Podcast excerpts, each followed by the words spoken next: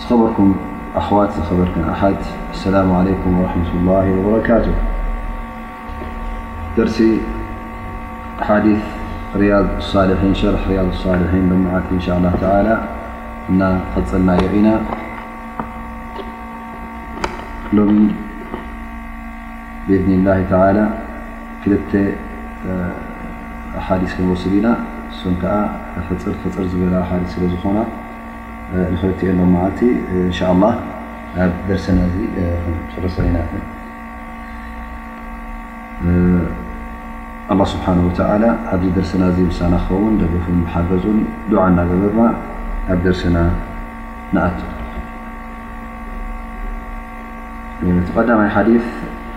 ሓዲስ መበል ስሳን ሰለስተን ክኸውን ማለት እዩ ኣብዚ ጀሚርናዮ ዘለና ድማ ባብ ድ በل رب ክኸን እዩ إذ حارث زيبل عن أنس رضي الله عنه قال إنكم لتعملون أعمالا هي أدق في أعينكم من الشعر كنا نعدها على عهد رسول الله صلى الله عليه وسلم من الموبقات رواه البخاري وقال الموبقات المؤلفات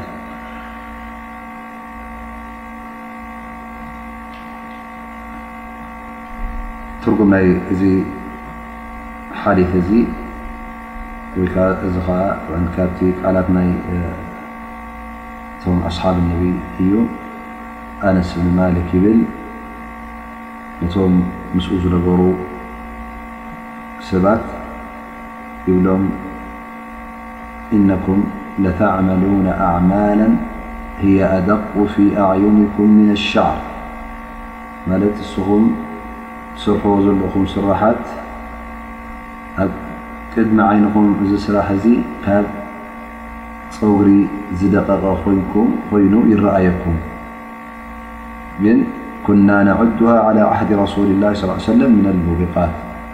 ግን ንሕና ኣብ ግዜ ነብይ ሙሓመድ ሶለሏሁ ዓለይሂ ወሰለም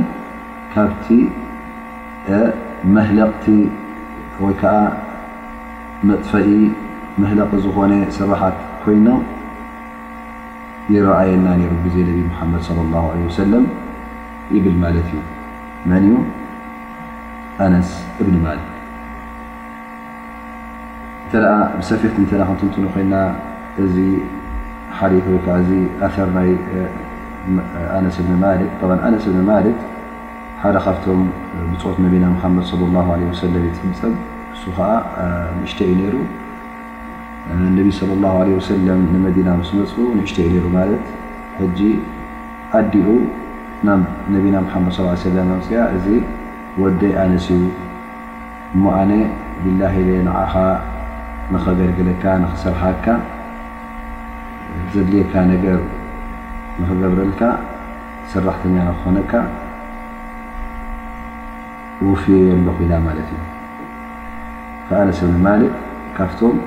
ምስ ነቢና ሙሓመድ صለ ላه ለ ወሰለም ብዙሕ ቦታታት ኮፍ ዝብልን ዝሰምዐን እዩ ነሩ ማለት እዩ ስለዚ ዘመሓላለፉ ኣሓዲት ናይ ነቢና ሙሓመድ ስ ሰለም ብዙሕ እዩ ነይሩ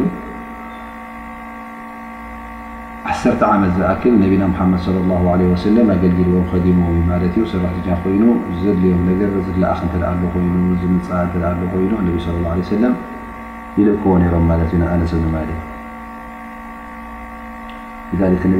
ኣነስ ይብል ካብቲ ጠባያት ናይ ነቢና ሓመድ ስ ሰለም ክገልፅ ከሎ ኣነ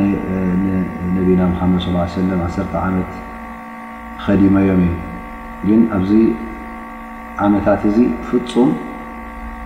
ሓደ ነገር ዘይገበርክዎ ነገር እንተ ኣሎ ኾይኑ ስለምንታይ ዘይገበርካዮ ወይ ከዓ ገይረዮ ስለምንታይ ጌርካዮ ኢሎምኒ ኣይፈልጡን ማለት ገኒሖምኒ ኣይፈልጡን ስለምንታይ ከም ዘይትገብር ስለምንታይ ዘይገበርካ ኢሎም ነቢ ሰለላሁ ዓለይሂ ወሰለም ፍፁም ተዛሪቦምኒ ኣይፈልጡን እዮም ይብል ማለት እዩ ምክንያቱ ነቢና ሙሓመድ ሰለላሁ ዓለይሂ ወሰለም በዓል ዓቢ ጠባይ ስለ ዝነበሩ ወላውን ነቲ ኣብ ትሕቲኦም ከም ሰራሕተኛ ኮይኑ ዝሰርሕ ዝነበረ ብትዕቢት ወይ ከኣ ብናይ ምትእዛዝ ከምዚ ዓይነት ትዕቢት የርእዩ ነበሩ እንታይ ደኣ ብዝከኣሎም ከገልግሎም እንከሎ ብዝከኣሎም ክሰርሓሉ እንከሎ እቲ ዝኽእሎ እንተ ገይሩ ካልእ ይሓቱ ይነበሩ ማለት እዩ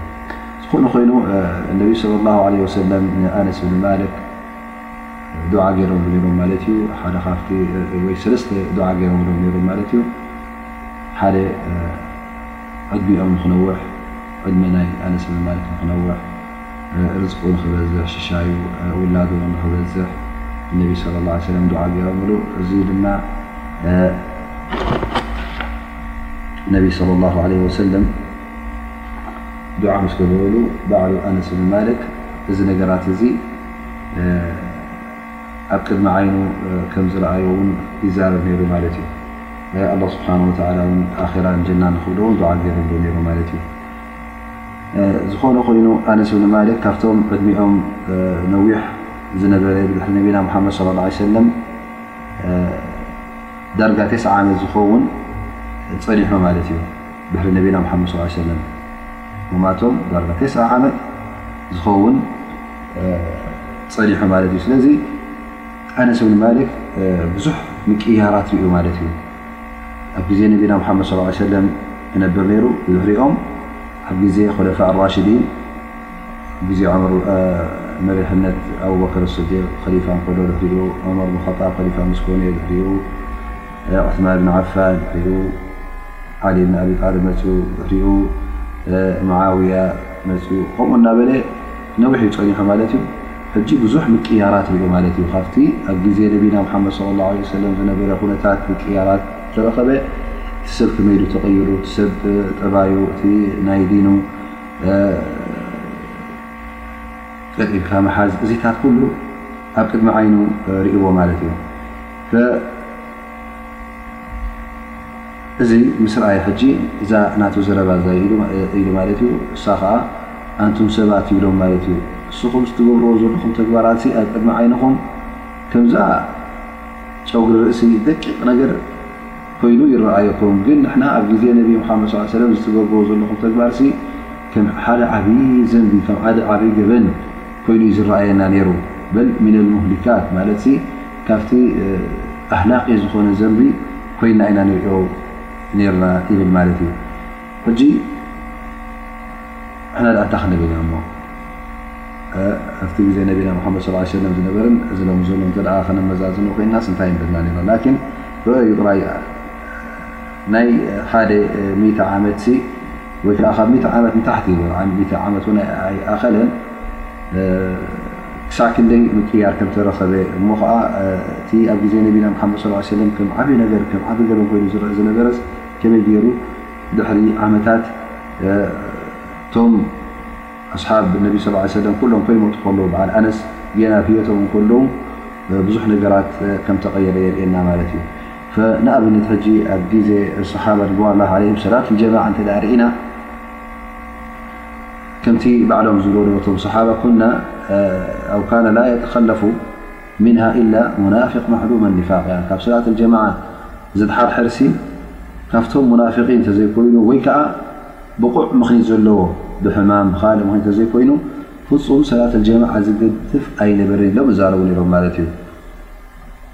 ሕጂ እንታይ እዚ ርእካ እሞ ኣብ ግዜ ነብይና ሙሓመድ ሰለላሁ ዓለይሂ ወሰለም እቲ ሰብሲ ክሳዕ ክንደይ ስነ ስርዓት ጌሩ ቀጥ ኢሉ እቲ ኩሉ ትእዛዛት ነብይ ሙሓመድ ሰለላሁ ዓለይሂ ወሰለም ብብቑዕ ምኽኒ ተዘይኮይኑስ ፍጹም ይገድፎ ከም ዘይነበረ እዛ ሰላት ጀማዓ እውን ከምዚ ኢሎም ተዛሪቦም ማለት እዩ ላ የተኸለፉ ምንሃ ኣሓድ ኢላ ሙናፊቅ ኣው መሪድ ኣው ማዕዙር ግን ድሕሪ ኣስሓብ ነብይ ገለ ሰባት ንኣብነት ሕጂ ነቲ ሰላት ኣልጀማዓ ከጓድሉ ጀሚሮም ማለት እዩ። ኣብዚ ግዜ እናተረኣና ድማ እምቧእ እቲ ሰብ ሰላት ኣልጀማዓ ዘይኮነስ ወላ እታ ሰላት ንገዛእ ርእሳ ውን ክንደይ ሰብ ኣስላማይ ተባሂሉ ዝገድፋ ኣሎ። ሰላት ኣልጀማዓ ገዲፍካ ኣብ መስጊድ ዘይኮነስ ወላ ውን ፍፁም ሰላት ኣብ ገዝኡ ይኹን ኣብ መስጊድ ይኹን ደይሰግድ ውን ቀሊል ኣይኮነን ማለት እዩ። ጥራይ ምድንጓይ ዘይኮነ ምናልባሽ ውን እንተ ዝሰግድ ኮይኑ ሃየ ደም ጉያ ካብ ግዚኣ የውጽኣ ወይ ከኣ ኣብቲ ግዚኣ ደይሰግዳ እንተ ኮይኑ እዚ ይቀልል ግን እቲ ዝኸፍኣ ብፍጹም ዘይሰግድ ሰብ ኣስላማይ ተባሂሉ ወነብይ ሰለላሁ ዓለይሂ ወሰለም ኣልዓህዱ ለዚ በይነና ወበይነሁም ኣይ በይነና ወበይነ ልሙሽሪኪን ማለት ኣብ መንጎናን ኣብ መንጎ ሙሽሪኪንን ዘሎ ፍልልይሲ ሰላት እዩ ተርኪ ሰላት ሰላት እንተድኣ ገዲፍካ ክሕደት እዩ ኢሎም እንከለዉ ሎሚ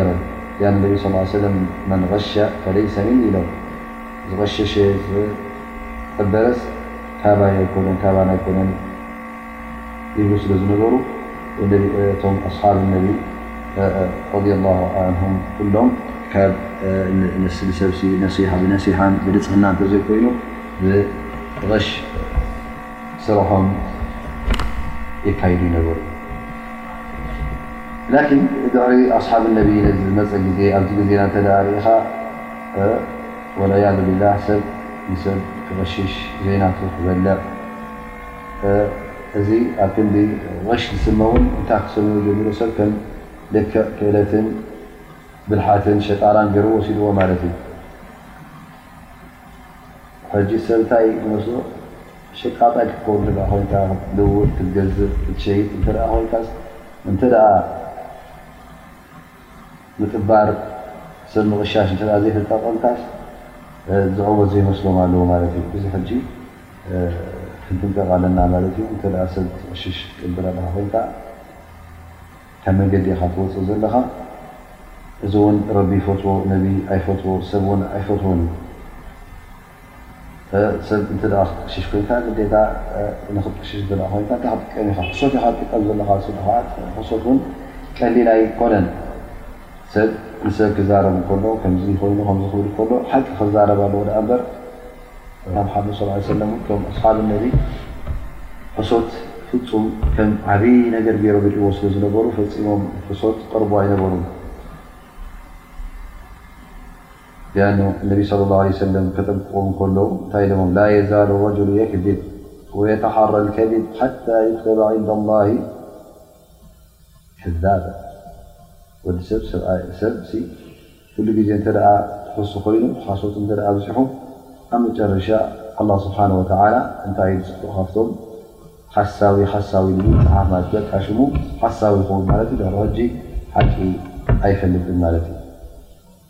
ስለዚ ዓቢ ማዕስያ ዓቢ ገበን እዩ ነይሩ ግዜ ነቢና ሙሓመድ ሰለላሁ ዓለይሂ ወሰለም ትሕሱ ላኪን ሎሚ እዛ ሕሶት ከም ማይ ኩሉ ሰብ ይሸትን ይሓትን ይሰትያ ይዛረበላ ይጥቀመላ ኣሎ ማለት እዩ። ገለ ሰባት ሓሶት ሓሶት ጥራይ ኮይኑ ከይተርፍ እዚ ሓሶት እዚ ንኻልእ ሰብ ዝጎድእ ኮይኑ ትረኽቦ ማለት እዩ ወይ እዚ ሓሶት እዚ ዘይናቶም ገንዘብ ዘይናቶም ንብረት ክሓቱ ክጠልቡን ይጅምሩ ማለት እዩ። ወይ ሰብ ኣማና ሂቡ እንከሎ ኣይሃበንን ይብል ዘይናቱ ናተይ ይብል እዚ ከይኣክል ውን ክሳዕ ኣብ ቤት ፍርዲ ንክበፅሕ ውን ክቀራረብ ትረኽቦ ማለት እዩ። ከመይ ጌርካ ፅባሕ ንጉስ ንኣላህ ስብሓን ወተዓላ ክትራኸቦ ኢኻ? ከምዚ ጌርካ ዘይናትካ እንተ እትበልዕ ኮይንካ ብሕሶት ብጥበራ እንተ ዘይገንዘብካን ዘይማልካን ትወስድ ኮይንካ ኣላ ስብሓን ወተላ ፅባሕ ከዓ ተቆጢዑ ክቕበለካ እዩ ስለዚ ኣስሓብ ነቢ ከምዝኣመሰለ ሕሶት ይኹን ጥበራ ይኹን ኪዳዕ ይኹን እቲ ኣላ ስብሓን ወላ ዝኣዘዞም ናይ ሰለዋት ደምብታት ይኹን ሰላት ጀማዓ ይኹን ኩሉ የማልእዎ እዮም ነይሮም። ስለዚ እዚ ስለ ዝኾነ ኣነስ እብኒ ማሊክ ረዲየላሁ ዓንሁ ኣብቲ ግዜኦም እቲ ኣብ ግዜ ነቢና ሙሓመድ ሰለላሁ ዓለይሂ ወሰለም ዝነበረ ስነ ስርዓት ኩሉ ብቁርኣን ተቐይድካ ብኪታብ ተቐይድካ ምኻድ ዝነበረ ገለ ሰባት ከም ቀሊል ነገር ገይሮም ነቲ ናይ ሸሪዓ ክጥሕሱ ትእዛዛት ኣላህ ስብሓነሁ ወተዓላ ክሰግሩ ምስ ረኣዮም ኣነስ ብን ማሊክ ረዲየላሁ ዓንሁ ኣንቱም ሰባት እንታይ ኢኹም ትገብሩ ዘለኹም እንታይ ኢኹም ተርእዩና ዘለኹም እቲ ትገብርዎ ዘለኹም ኣብ ዓይንኹም ቀሊል ዝመስለኩም ዘሎ እኮ ኣብ ግዜ ነቢ ሙሓመድ ሰለላሁ ዓለይሂ ወሰለም ዓብዪ ገበን እዩ ነይሩ እሞ ኢሎም የዘኻኽሩ ማለት እዩ በዚ ቃል እዚ ማለት እዩ።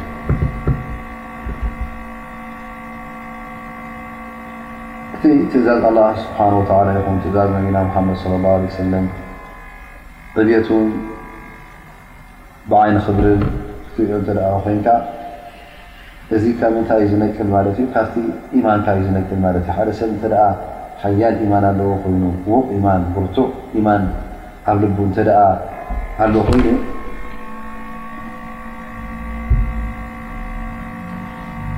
ማእስያ ኣብ ቅድሚ ዓይኑ ዓባይ ነገር እያ ትኸውን ማለት እዩ ቀላል ኣይክትከውን እያ ላኪን እንተ ታልቢ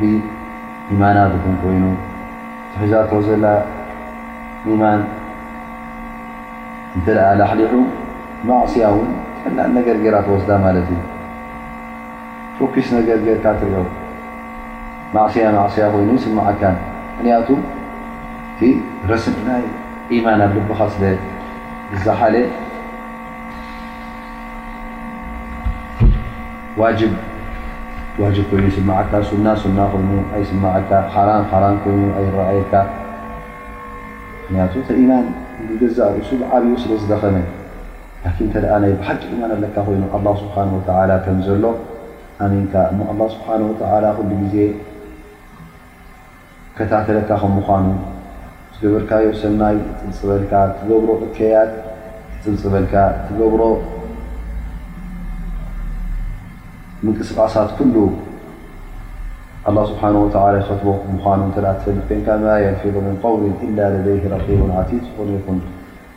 ካብ መልሓስካ ዝወጽእ ኩሉ ምንቅስቓሳትካ መላኢካ ነዚ ነገር እዚ ዝጽሕፉ ከም ዘለዉ እንተ ትኣምን ኮይንካ ኣላህ ስብሓን ወተዓላ እውን ኩሉ ከቢድ ይኹን ፎኪስ ብዙሕ ይኹን ውሑድ ደቂቕ ይኹን ጥሩይ ኣላህ ስብሓነሁ ወተዓላ ከም ዘይስሕቶ እንተ ትኣምን ኮይንካ ፈጺምካ ከምዚ ዝኣመሰለ ገበን ኣይምፈጸምካን ኔርካ። ስለዚ እዚ ሓዲስ እዚ ወይ ከኣ እዚ ቃል ናይ ሰሓቢ ኣነስ እብኒ ማሊክ ረዲየላሁ ዓንሁ እንታይ እዩ ዝብለና ዘሎ ኣንቱም ሰባት ተጠንቀቑ እቲ ቀሊል ቀሊል ነገር ዝመስለኩም ተኣኪቡ ተኣኻኺቡ ውን ጽባሕ ንግሆ ከጥፍኣኩም እዩ። ዳሕራይ ውን ሓደ ሰብ ማዕስያ ክገብር እንከሎ፣ ጌጋ ክፍጽም እንከሎ፣ በደል ክፍጽም እንከሎ፣ እዛ ማዕስያ ዓባይ ድያ ንእሽተይ ኢሉ ንዓኣ ክርኢ የብሉን። እንታይ ደኣ እቲ ዝገብሮ ዘሎ ማዕስያስ ናይ መን ንዕቀት እዩ? ነቲ ጎይታ ነቲ ፈጣሪ ዓለም ንዕኡ ንዒቑ እዩ ዝገብሮ ዘሎ ወይስ እንታይ ማለቱ እዩ? ምኽንያቱ እቲ ትእዛዝ ካብ ኣላህ ስብሓነሁ ወተዓላ እዩ መጺኡካ። ኣላህ ስብሓን ወተዓላ ጎይታኻ እዩ፣ ኣላህ ስብሓን ወተዓላ ፈጣሪኻ እዩ፣ ስለዚ ተጠንቀቕ ንዕኡ ኣኽብር ንኣላህ ስብሓን ወተዓላ እንተ ደኣ ንዑ ዘይተኽብር ኮይንካ ግን እቲ ማዕስያ ማዕስያ ኮይኑ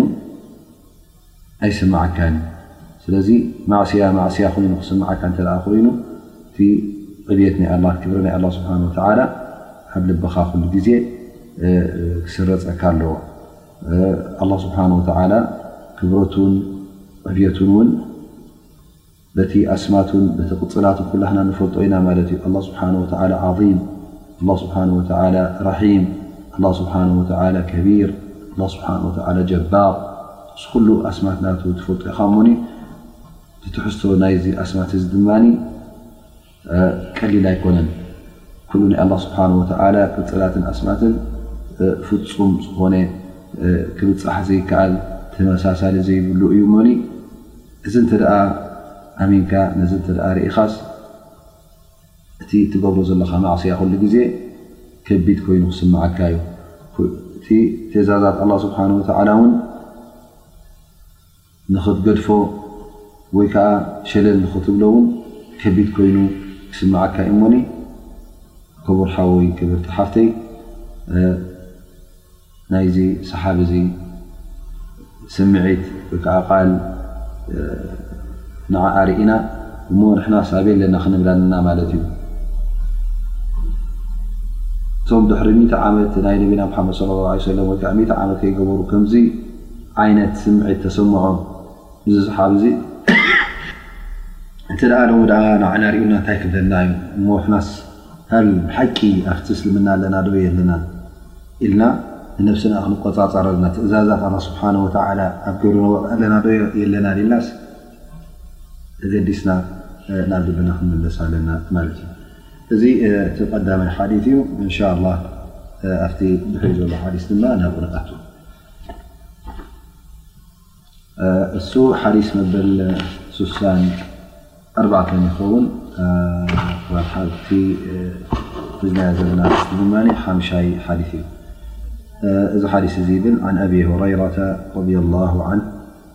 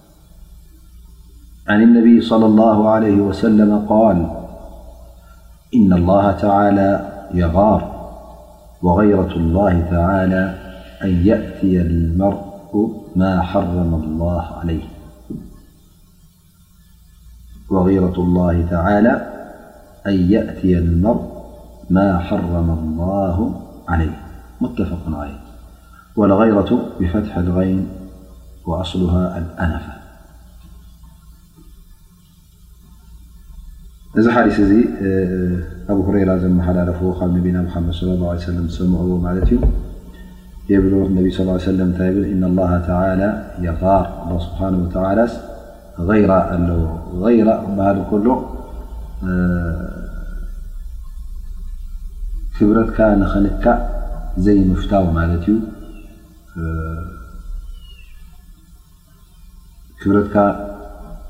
ንኽንካእ ምፅላእ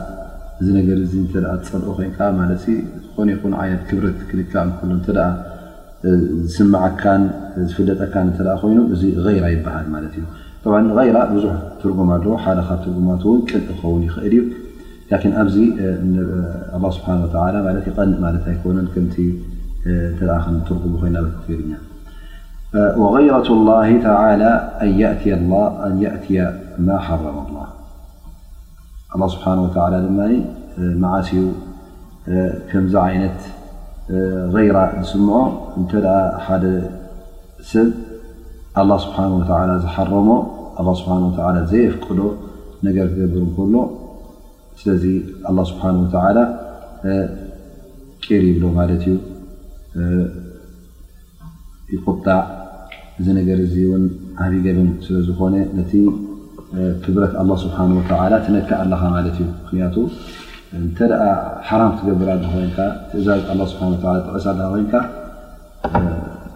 እንታይ ማለት እዩ ካብቲ ዝግባእ ክብረት ንኣላ ስብሓን ወተላ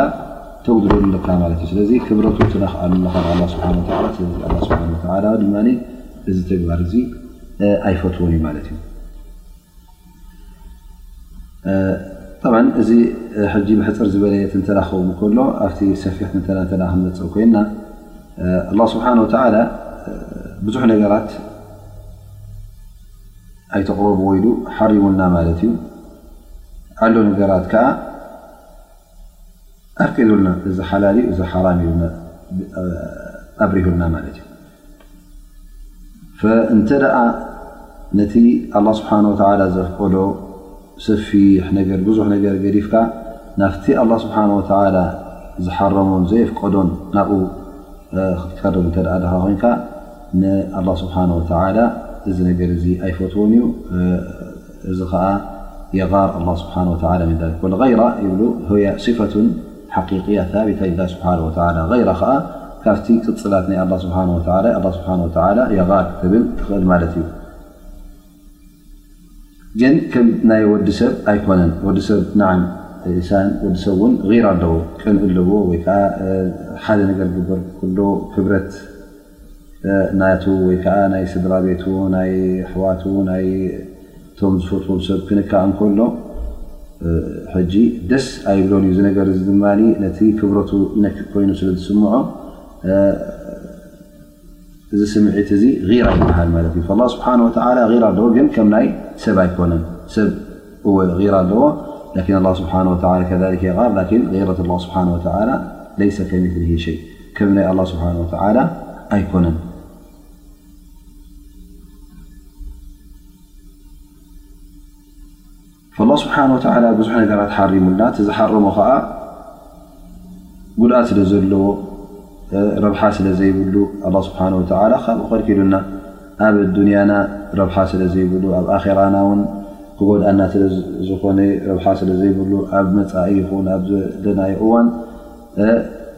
እዚ ኩሉ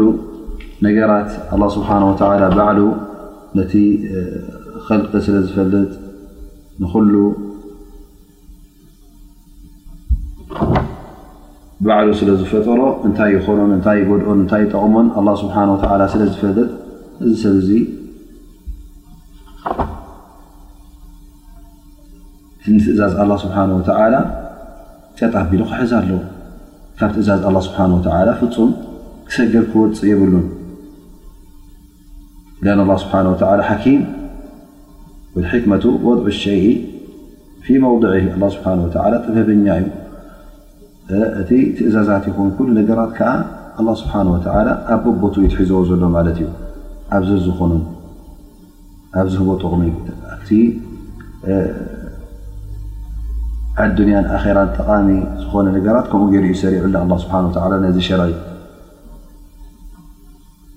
ስለዚ ኣላ ስብሓን ወተዓላ ዝኾነ ነገር ሓራም ይኽብሎ ከሎ ጌጋ እዩ ኣይትፈፅምዎ እዚ ገበን ይኽብለና ከሎ እንተ ንስኻ መጺእካ ኣንታ ወዲ ሰብ ነዚ ሓራም ዝበሎ ኣላህ ስብሓን ወተዓላ እንተ ጥሒስካዮ እንተ ፈጺምካዮ ኣላህ ስብሓን ወተዓላ እዚ ነገር እዚ ደስ ኣይብሎን እዩ ብጣዕሚ የቐጥኦ እዩ ያኑ ነቲ ዝሓረሞ ነቲ ዝኸልከሎ ንስኻ ትፍጽሞ ኣለኻ ማለት እዩ ክብሪ ናይ ኣላ ስብሓን ወተዓላ እውን ኣይሓለኻን ክብሪ ናይ ኣላ ስብሓን ወተዓላ እውን ፍጹም ኣብ ስምዒትካ ኣይኣተወካን ማለት እዩ ምዓኑ እዚ ኣላህ ስብሓን ወተዓላ ሓሪሙልካ ዘሎ ንዓኻ እዩ ንጥቕምኻን ንረብሓኻን እዩ እንተድኣ ክትጎድእ ኮይንካ እውን ነብስኻ ኢኻ ትጎድእ ዘለኻ ድኣ እምበር ንኣላህ ስብሓን ወተዓላ ጎዲእካ ኣይኮንካን ዝኾነ ይኹን ማዕስያ ክትፍፅም ከለኻ ነብስኻ ኢኻ ጎዲእካ እምበር ንኣላ ስብሓን ወተላ ፍፁም እተርክበሉ ምኽንያት የብልካን ኣ ስብሓን ወተላ ሙሉእ ዘይጉዱል እዩ ካምል እዩ ካባኻ ዝደልዮ እውን የለን ሓኪሙ ራሒም ላ ስብሓን ወተላ ዝኾነ ነገር ክሓርም ከሎ ኣይትግበርዎ ክብለና ከሎውን ንዓና ፅቡቕ ደልዩልና ር ደልዩልና ጥቕሚ ደልዩልና ዩ ዳኣ እምበር ንሱ ንኽጥቀም ኣይኮነን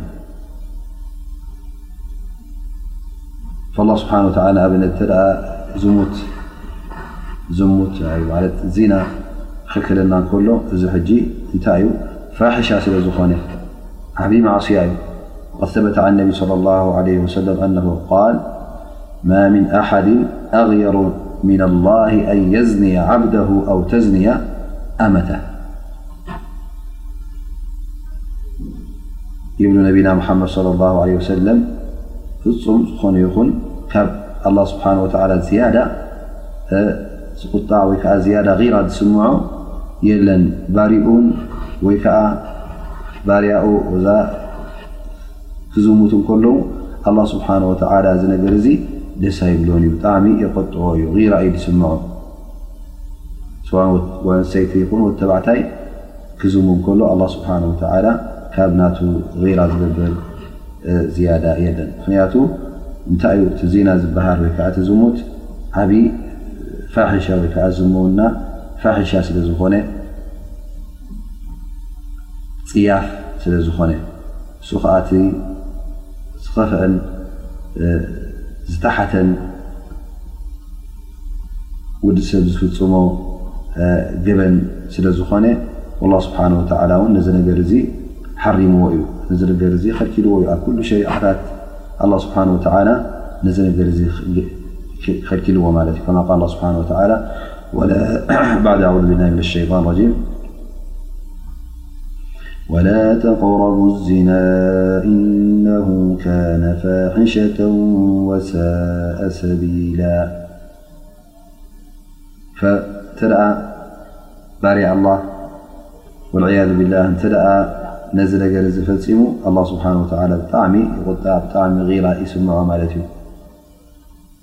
እዚ ጥራይ ኣይኮነን ጠብዓ እቲ ዚና ከም ዝበልናዮ ዓብዪ ፋህሻ እዩ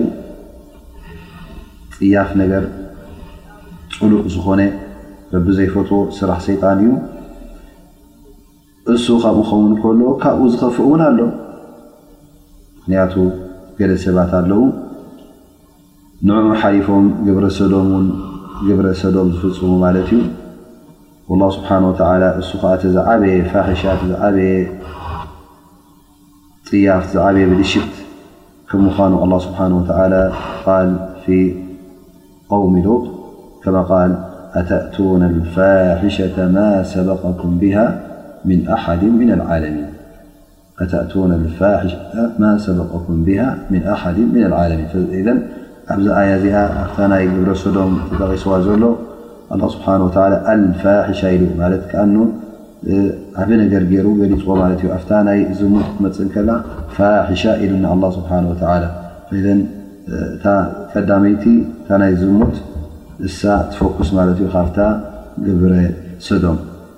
ኢዘን እዚ ነገራት እዚ እንተ ፈፂሙ ወዲ ሰብ ኣላ ስብሓን ወተላ ብጣዕሚ ይቁጣዕ ማለት እዩ ራ ኣለዎ ማለት እዩ ኣላ ስብሓን ወተላ ንስኻ እኳ እንታ ወዲ ሰብ ራ ዝስምዓካ ምክንያቱ እንተ ሓደ ሰብ ኣብ ነብሱ ይኹን ኣብ ቤተሰቡ ዝሙት ክርከብ እንከሎ እንታይ ዝስምዖ ማለት እዩ ብጣዕሚ ነዚ ነገር እዚ ነቲ ክብሪ ናቱ ለኪኡ ኮይኑ ስለ ዝስምዖ ስለ ዝፀልኦ እዚ ጊራ ኣለዎ ማለት እንተ ስቕ ኢሉ ዝሪኦ ኮይኑ ከዓ እንታይ ዝስመ ኣብ ሸርዒ ስነ ደዩት ዝስመ ኣብ ቤቱን ኣብ ሰድራ ቤቱን ዝሙት ንክርከብ እንተ ምንም ዘይግድስ እተ ኮይኑ እዚ እታይ ይበሃል ደዩት ይበሃል ማለት እዩ ላን ኣንፃሩ ከዓ እታይ ይበሃል ራ ይበሃል ስለዚ ኣ ስብሓ እዚ ነገር ዚ ክርከብ ፍፁም ኣይፈቱን እዩ ማለት እዩ ዘን እዚ ሉ ኩሉ ኣ ስብሓ ዝሓረሞ እዚ ከም ኣብነት ክኸውን ከሎ ካልእ ውን ትሕኡ ኣቱ ማለት እዩ ምስራቅ እተ ኮይኑ መስተ ምስታይ እንተ ደኣ ኮይኑ ኩሉ ኣላህ ስብሓን ወተዓላ ዝሓረሞ ነገራት እዩ። ሓረጣ ምብላዕ እንተ ደኣ ኮይኑ ኩሉ ኣላህ ስብሓን ወተዓላ ዝሓረሞ። ስለዚ እዚ ኩሉ ኣብ ምንታይ ይኣቱ ማለት እዩ? ኣብ ትሕቲ እቲ ኣላህ ስብሓን ወተዓላ ዘይፈትዎን ኣላህ ስብሓን ወተዓላ ጊራ ዝስምዖን ማለት እዩ። ልኣኑ ንስኻ ከምቲ ዝበልናዮ እቲ ገበን ክትፍጽም ከለኻ ንክብሪ ኣላህ ስብሓን ወተዓላ ስለ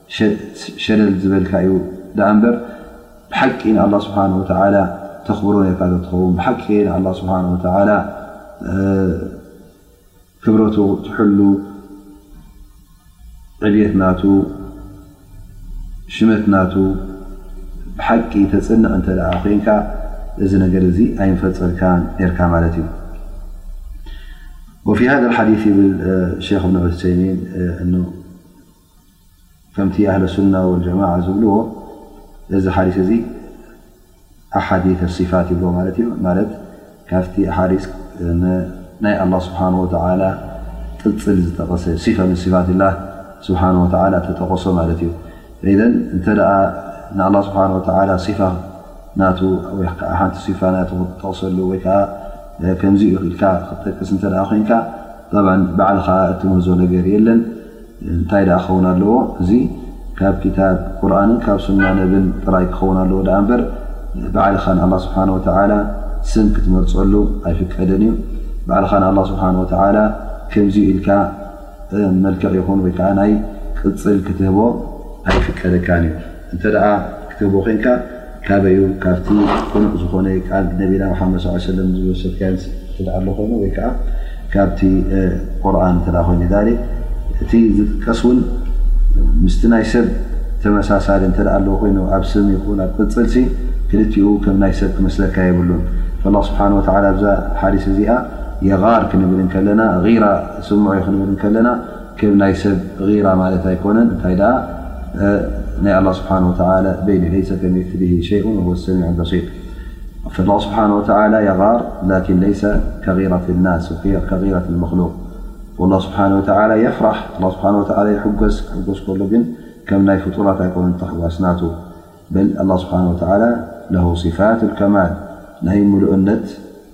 ቅጽላት ኣለዎ ፍልይ ዝበለ ናይ ፍጡር ዘይመስል ተመሳሳሊ ዘይብሉ ስለዚ እዚ ነገር እዚ ኑስቢት ኣብ ሱና ዝረኸብናዮ ኣብ ክታብ ቁርን ዝረኸብናዮ ነዚ ነጽድቕ ግን ባዕልና ከምዚ እዩ ኢልና ንኣላህ ስብሓነሁ ወተዓላ ስም ክንህቦ ኣይንኽእልን ኢና፣ ከምዚ ኢልና ኸኣ ቅጽል ክንህቦ ኣይንኽእልን ኢና፣ ምኽንያቱ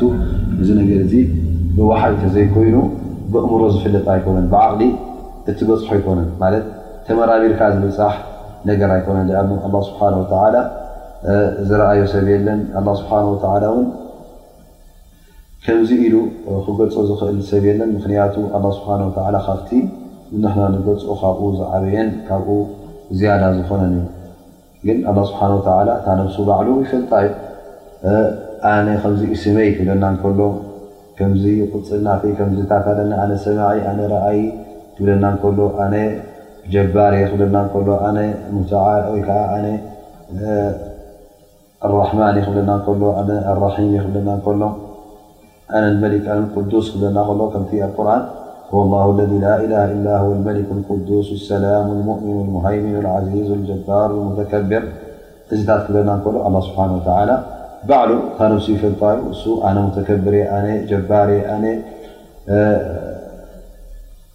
ሙሃይሚን የኢሉና እዚ ኩሉ ሕጂ ከም ግቡእ ክንኣምነሉ ኣለና ብኡ እንተ ሰመየ ንኣላህ ስብሓን ወተዓላ ድማ በቲ ስማቱ ክንፅውዖን በቲ ኣስማቱ ንክንሰምዮን ግዴታ ይኸውን ማለት እዩ እዚ ዩ እቲ ግቡእ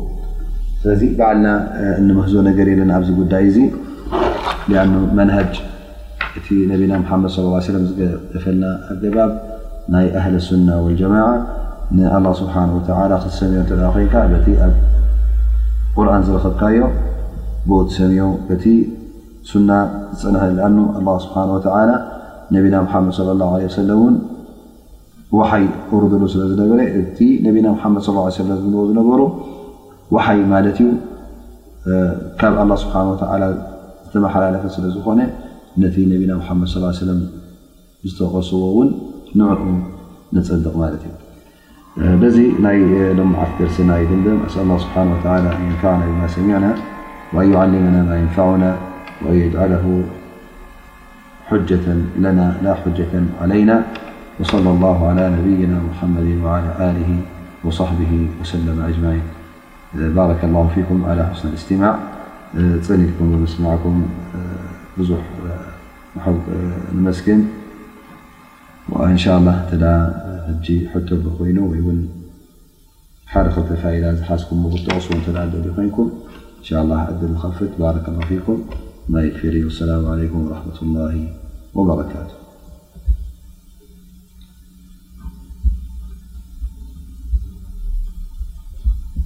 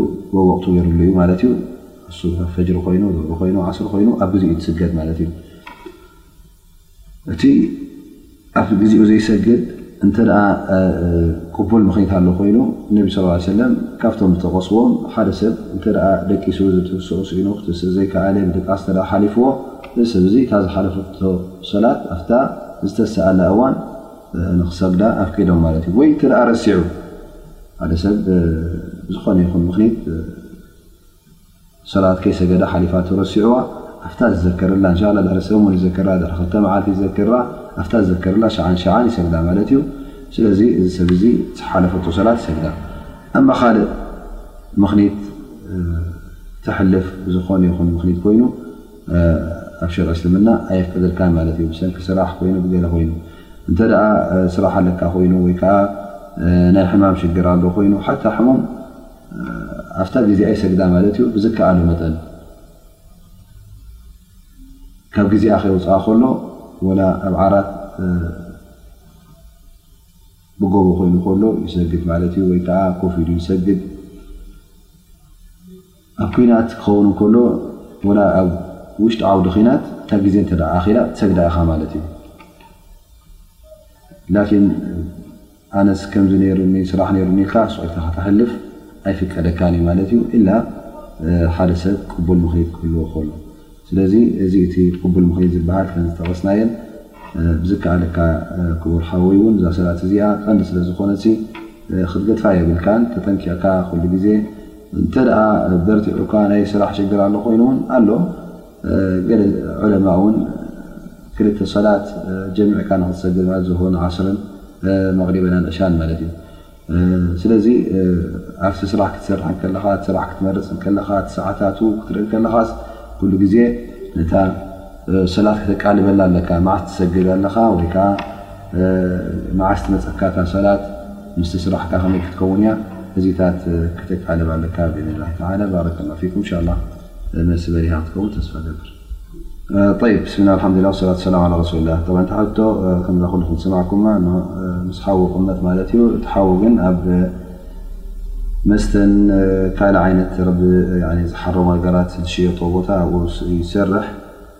ኣነ ድማ ምስኡ ኣብ ሓደ ገዛ እየ ዝቕመጥ እሞ ክልቴና ብሓደ ሽርካ ኮይንና ንነብር፣ ብልዕናን መስተናን ሓደ እዩ ይብል ኣሎ ማለት እሞ ምስዚ ሰብዚስ እንተነበርኩ ከመይ እዩ ይብል ኣሎ ማለት እዩ። እዚኣ እታ ሕቶ ጠብዓ ከምቲ እሱ ዝበሎ ባዕሉ እውን ይብል ኣሎ ማለት እዩ እቲ ዝስርሖ ዘሎ ስራሕ ወይ ከዓ እቲ ዝስርሓሉ ቦታ ናይ ሓራም ነገራት ስለ ዝኾነ እቲ እቶት ናቱ ሓራም ከም ምዃኑ ተኣሚንሉ ማለት እዩ። ስለዚ ከምቲ ግቡእ እስኻ እቲ ማልካ እስኻ እንተ ብሓላል ተምፅኦ ኣለኻ ኮይንካ ምስቲ ናቱ ብሓራም ዘምፅኦ ምስኡ ክትሕውሶ የብልካን። እንተ ኣብኡ ትነብር ኣለኻ ኮይንካ ንስኻ ምግብኻ ካልእ ቦታ እንተ ክትረክብ ዘይከኣልካ፣ ጠሓመቀ እቲ ምግብኻ ትፈሊ ማለት እዩ እታ ሩም ናካ ድማ በይና ትገብራ እስኻ በይንኻ ትፍለ እሱ በይኑ ይፍለ ማለት እዩ ምክንያቱ እንተ ገንዘብካን ገንዘቡን ተሓዋዊሱ ከም ሓደ ገንዘብ ኮይኑ እንተ ትጥቀሙ ኣለኹም ኮይንኩም እስኻ ኣፍቲ ሓራም ምእንቲ ንኸይትኣቱ ነሲሓ ናተይ ክትወስድ እንተ ኮይንካ ምእንቲ እቲ ሓራም ከይትንክፈልካ ሊኣን ኣልበላእ የዑም ኣወለን እዚ ሓውኻ እዚ ባረከላሁ ፊክ ክትመኽሮ ኣለካ።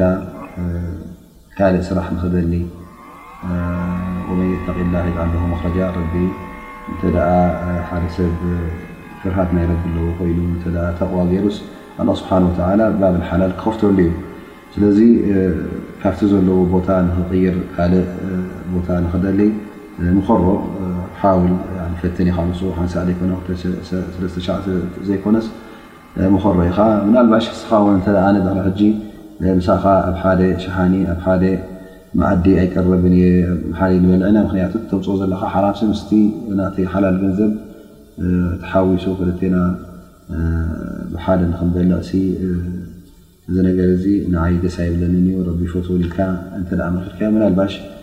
ናብ ልቡ ይምለስ ይኸውን ቀዳማይ ነገር እንሻላ ንዕኡ ምኸሮ ኢኻ ነዚ ሓውኻ እዚ እንተ ኣብዩ ግን ዝበለፀ ካብቲ ካብኡ ክትርሕቕ ኣለካ ወላ ውን ካልኦት ሰባት ሓላል ዝበልዑ ሓላል ዝደልዩ ምስኦም ተቐረብ ክሓሸካ ማለት እዩ። እንታይ ሕውነት ናይ ስጋ ኣኸውን በይኑ እንተ ሕውነት ናይ ዲን ሕውነት ናይ ምትኽብባር እንተ ዘየለ ኮይኑ ስለዚ እዚኣ ናተይ ነሲሓ እንሻ ኣላ ረቢ ይርፍዓሉ ረቢ ርዝቂ ሓላል ይኽፈተሉ እብለካ ንስኻ ውን ዱዓ ግበረሉ ናብኡ ውን ንኽተኩር ናፍቲ ር ናፍቲ ናይ ሓላል ንክኸይድ ውን ንስኻ ኣተባባዓዮ ኢኻ ባረከ ላሁ ፊክ ናብዚኣ ሕቶ ብፅሑፍ ኣቦ መርየም ሓቲትዋ ማለት እዩ ብዛዕባ ቶም ግብረ ሰዶም ዝፍፅሙ ሰባት ኣስላም ኢና እናበሉ ከመይ እዮም እዚኦም ብል ኣሎ ማለት እዩ እንታይ ዩ ፕሮግራም ምስልምና ግብረ ሰዶም ዝፍፅም እተ ፍርዲ ናይ ሸርዒ ኣሎ ኮይኑ እዚ ሰብ እዚ ይጭፍጨፍ ማለት እዩ ክቀተል ኣለዎ። ክቕተል ኣለዎ ጠብዓ ዑለማእ ብዙሕ ተዛሪበሉ ገሊኦም ካብ ነዊሕ ቦታ ካብኡ ተፅድፉ ዝበልሉ ወይ ከዓ ከምቲ ቆውሙ ሉጥ ኣላ ስብሓን ወተላ ብእማን ብላዕሊ ምፅኡ ኣብ ርእሲኦም ዝደብደቦም ሲ ከምኡ ክድብደብ ኣለዎ ዝበሉ ኣለዉ ላኪን ኣብ መጨረሻ ዝሰብ እዚስ ክቕተል ከም ዘለዎ ተዛሪቦም ማለት እዩ ስለዚ እዚ ዩ እቲ ፍርዲ ናቱ ላኪን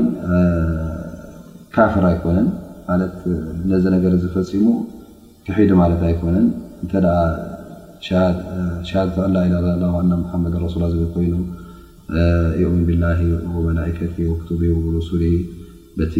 መእዝን ወይ ከዓ ቀንዲታት ናይ እስልምና ዓንድታት እስልምና ዝኣምን ንዑኡ ዝፍፅም ዝሰግድ ዝፀውም እንተ ኮይኑ እዚ ሰብ እዚ ካፍር እዩ ክትብል ወይ ከዓ ክሓዲ እዩ ክትብል ኣይትኽእልን ኢኻ። እቲ ዝገብሮ ዘሎ ገበን እዩ። ሰብ ምቕታል ገበን እዩ፣ ዝምውና ገበን እዩ፣ ግብረ ሶዶም እውን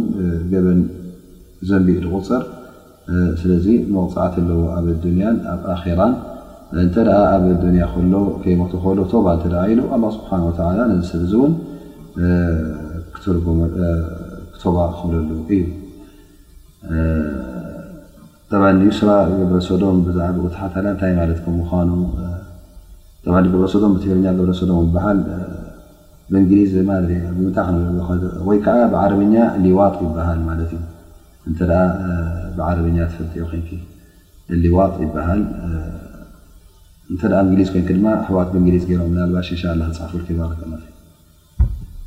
ጠብዓ ከምቲ ዝበልካዮ ገለ ሰባት ካብ ሜዳ ወይ ከዓ ካብ ቦታ ናይ ዕልሚ ይሃድሙ ማለት እዩ ነቲ እንታይ ከይሰምዑ እዚ ሓራም እዩ እዚ ጌጋ እዩ ንከይሰሙ ማለት ድላዮም ንክገብሩ ማለት እዩ ኢዘን እዚ ሰብ እዚ እናፈለጠ ከሎ ድንቁርና ምርፅ ኣሎ ማለት እዩ። ኡቲ ተዓሉም ዲንካ ምፍላጥ ኣብ እስልምና ንገዛ ርእሱ ሓደ ካብቲ ዋጅባት እዩ ማለት እዩ ፈኢዘን እዚ ሰብ እዚ ቀዳማይ ዋጅብ እቲ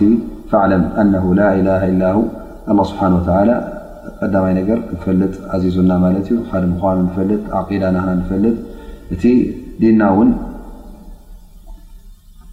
ንፈልጥ ማለት እዩ ፈኢዘን ኣልዕል ንገዛእ ርእሱ እቲ ዕልሚ ምድላይ ዕልሚ ምፍላጥ ዋጅብ ንገዛእ ርእሱ ቀሊል ኣይኮነን ካባኻ ዝድለ እዩ እንተ ዘይተዓሊምካ እተ ዘይተምሃርካ ኣሰንቲ ዲና ኣይክትፈልጦ ኒኻ ስለዚ እዚ ሓደ ሰብ ሰኣነ ድንቁርና መርፅ ኣለ ክብል እከሎ ዋላ እውን በቲ ናይ ኣእምራዊ ስነሓሳብ እውን ቅቡል ኣይኮነን እስኻ ፍለጥ ኣይና እዩ ሓላል ኣየና እዩ ሓራን ብድሕሪኡ እቲ ገበን ክትፍፅሞ ከለኻ ሓራም ከም ምዃኑ እንድሕር እናፈለጥካ ፈፂምካዮ ኣብ ነብስኻ እንተ እዚ ነገር እዚ ቂር ዝብለካ ኮይኑ ገበን ከም ምዃኑ ትፈልጥ ኣለኻ እንተ ኮይንካ እንሻ ኣላ የውመን ማ ተውባ ኢልካ ትምለስ ትኸውን ኢኻ። ላኪን እንተ ድንቁርና መሪፅካ ሓላልን ሓራምን ኣይመሃርን እየ ምእንቲ እዚ ሓራም እዩ ሓላ ከይክልከልካ እተ ከትካ ንስኻ ንገዛእ ርእሱ ኣወለን ደንቆሮ ኮንካ ትኸይዳ ኣለኻ ማለት እዩ ትቐንዲ ዋጅብ ናይ ትምህርቲ ኣላ ስብሓን ወተላ ዝኣዘዘካ ገዲፍያ ጠለበ ዕልሚ ፈርዲ ንገዛእ ርእሱ ዓላ ኩል ሙስሊም ክመሃር ፈርዲ እዩ ኣስላማይ ይኹን ኣስላመይቲ ንክመሃር እዚ ፈርዶም እዩ ማለት እዩ ስለዚ ሓደ ፈርዲ ገዲፍካ ማለት እዩ ካልኣይ ድማ መገዲ ቶባ ተዓፁ ኣለኻ ማለት እዩ እተ በቲ ድንቁርናኻ ቀፂልካ ዝገበርካዮ ገበንን ዝገበርካዮ ሓጢኣትን ዝገበርካዮ ጌጋን ዘይትፈልጥ ኮይንካ መዓስ ደኣ ቶባ ክትብል ኢኻ ወይ ከዓ ገበን ከም ዘለካ እተ ዘይትፈልጥ ኮይንካ ቶባ ኣይትብልን ኢኻ ማለት እዩ ስለዚ ንነብስኻ ክልተ ሻዕ ትሃስያ ኣለኻ ማለት እዩ ስለዚ እቲ ሓራም ዝበሃል እተ ኣሎ ኮይኑ ባዓልና ወይ ከዓ ሰብ መሻይኽ ዝሓረሙ ኣይኮነን ረቢ ዝሕርሞ ማለት እዩ ሓላል እተ ኮይኑ ከዓ ረቢ እዩ ዝሕልሎ ስለዚ ሓላል ሓራምን ኣብ ኢድ ወዲ ሰብ ኣይኮነን ናይ ረቢ እዩ እሱ ዩ ከዓ ከሊቁና ኣላ ስብሓን ወተላ ስለዚ ክብሪ ንኣላ ስብሓን ወተላ ኢልና ነቲ ሓላል ኣላ ስብሓን ወተላ ዘፍቀደልና ንኡ ንፍፅም ሓራም እዩ ዝበለና ከዓ ካብኡ ክንክልከል ኣለና ማለት እዩ ግን እንተ ሓደ ሰብ ስዲ ኮይኑ ክነብር እንተ ኮይኑ እዚ ሰብ እዚ ንገዛ ርእሱ እቲ ናይ ብሓቂ እምነት ኣብ ልቡ የለን ማለት እዩ እተ እምነት ነርዎ ኮይኑ ነቲ ከምቲ ዝበልናዮ ዓንተቦይ ነቲ ትእዛዛት ኣላ ስብሓን ወተዓላ ንዕኡ መኽበረ ነይሩ ንዕኡ ኣብ ርእሱ መልዓለ ነይሩ ድኣ እምበር ኣነስ ንዕኡ ኣይስከምን እየ ደንብታት ኣላ ስብሓን ወተዓላ ይኸብደኒ ኢልካ እንተ ትሃድም ኮንካ እስኻ እንታይ ትገብር ኣለኻ ማለት እዩ ጥፍኣት ትመርፅ ኣለኻ ማለት እዩ ገና ኣብዛ ኣዱንያ ከለኻ ፈነስ ኣላ ስብሓን ወተዓላ ኣን የህድያ ጀሚዕ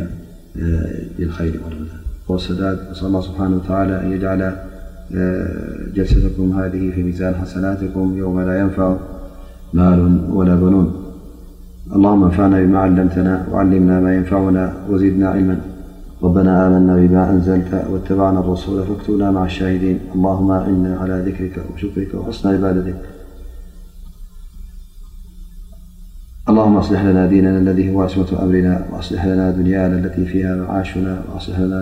وألنرإليها مادنا واجعل الحياة زيادة لنا في كل خير واجعل اموتى راحة لنا من كل شر وصلى الله على نبينا محمد وعلى آله وصحبه وسلم أجمعين